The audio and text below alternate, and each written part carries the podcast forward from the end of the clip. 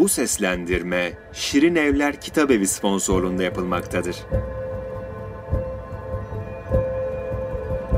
İnsana yaratılıştan verilen ve onu zayıf kılan özellik, onu aynı zamanda kuvvetli kılan özelliktir. İnsanın en zayıf yanı en kuvvetli yanıdır da diyebiliriz. Biz insanlar gücümüzü zihin etkinliklerimizden devşirdiğimiz gibi zihin etkinliklerimiz dolayısıyla zaafa da düşürüyoruz. Bütün diğer yaratıklardan farklı olarak biz insanlar bir zihin ülkesinde yaşıyoruz. Elbette bu görüşe karşı çıkılabilir ve insanın yalnızca zihin ülkesinde değil, aynı zamanda da vücut ülkesinde de yaşadığını ileri sürebiliriz. Yine ileri sürebiliriz ki zihin ülkesinde yaşayan sadece insan değildir. Başka yaratıklar da aynı ülkenin yurttaşıdırlar. Ne var ki her iki iddianın savunucuları görüşlerinin yerinde ve isabetli olduğunu ortaya koyabilmek için bir zihin etkili girişimde bulunacaklar.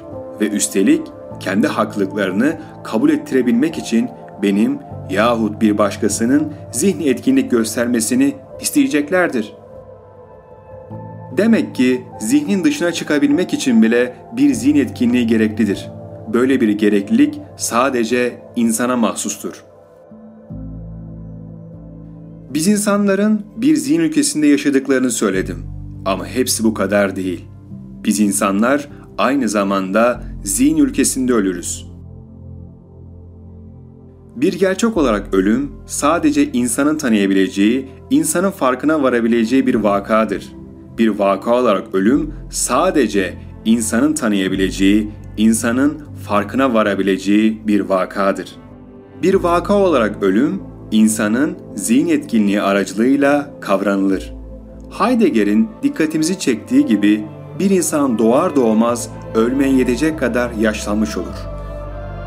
Hemen eklemekte yarar var ki insanın doğumu hiçbir zaman biyolojik olaydan ibaret kalmaz.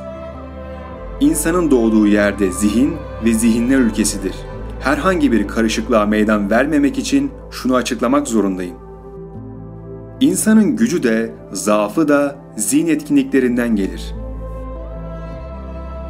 İnsan zihin ülkesinde yaşar ve ölür dediğim zaman felsefe dilinde solipsizm denilen anlayışı savunuyor değilim. Solipsizm öğretisine göre insan düşünen bir öznedir ve düşünen özne olarak kendinden başka gerçeklik yoktur. Benim dile getirmeye çalıştığım düşünce insan eşittir zihin formülüne indirgenmemeli.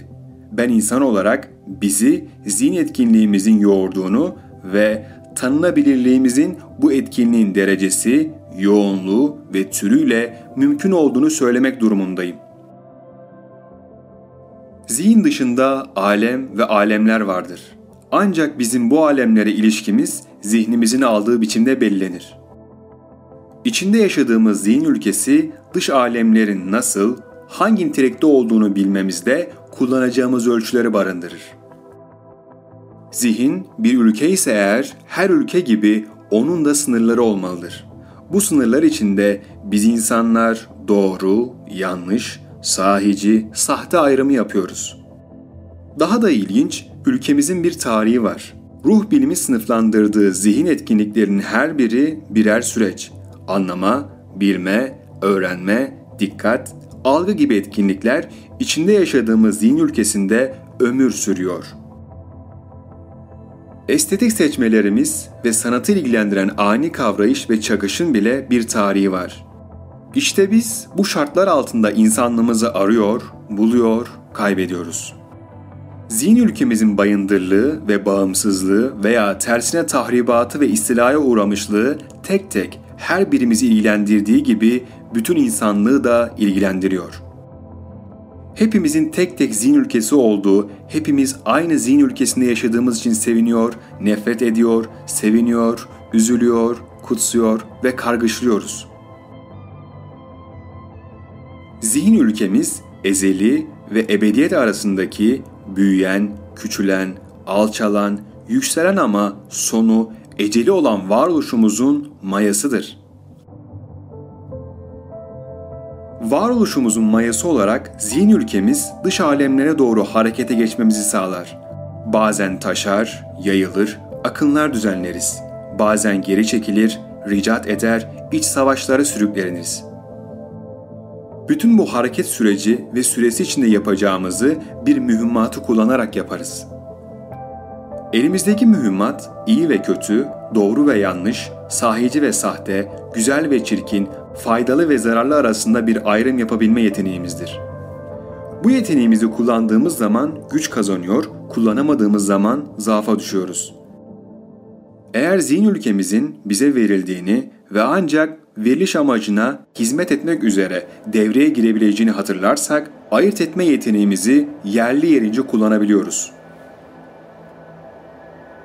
Aksi halde yeteneğimizin bir yeterlik olduğu zehabına kapılıyor ve ayırt etme üstünlüğümüzü kendimizden menkul sayan, bencilce, rahatlığımız içinde iyi, doğru, sahici, güzel, faydalı saydıklarımızı bir tarafta topluyor, buna gerçek diyoruz. Karşı taraftaysa kötü, yanlış, sahte, çirkin, zararlı saydıklarımız kalıyor ve buna da yalan adını takıyoruz. Halbuki gerçeğin gerçek yüzü böyle değil. Gerçeğin yüzü hem yanlış, hem güzel, hem doğru, hem zararlı, hem çirkin, hem sahici, hem faydalı, hem sahte olabilir. Ayrım yapabilme yeteneğimiz bize gerçeği keyfimize göre biçimlendirmek için değil, ortaya çıktığında gerçeği tanıyabilmemiz için verilmiştir. Ama biz bu tanıma süresince beklemeyi göze almayabiliriz. El-Enbiya suresinin 37. ayetinde mealen şöyle buyruluyor. İnsan aceleden yaratılmıştır. Size ayetlerimi göstereceğim. Benden onu acele istemeyin. Zihin ülkesinde yaşayan, ölen insan bu ülkenin düzenini kendi hevasına uyarak tertiplemeye kalkar ve iradesiyle bu ülkenin hareket istikametini belirleyebileceği zannına kapılırsa acelecilik etmiş olur.''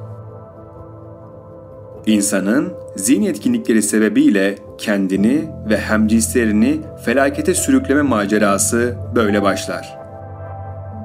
Oysa bekleyenler sadece bekleme sabrını ve metanetini gösterenler iyinin, doğrunun, sahicinin, güzelin ve faydalının birbirine ne zaman, nerede denk düştüğünü görme fırsatına kavuşurlar.''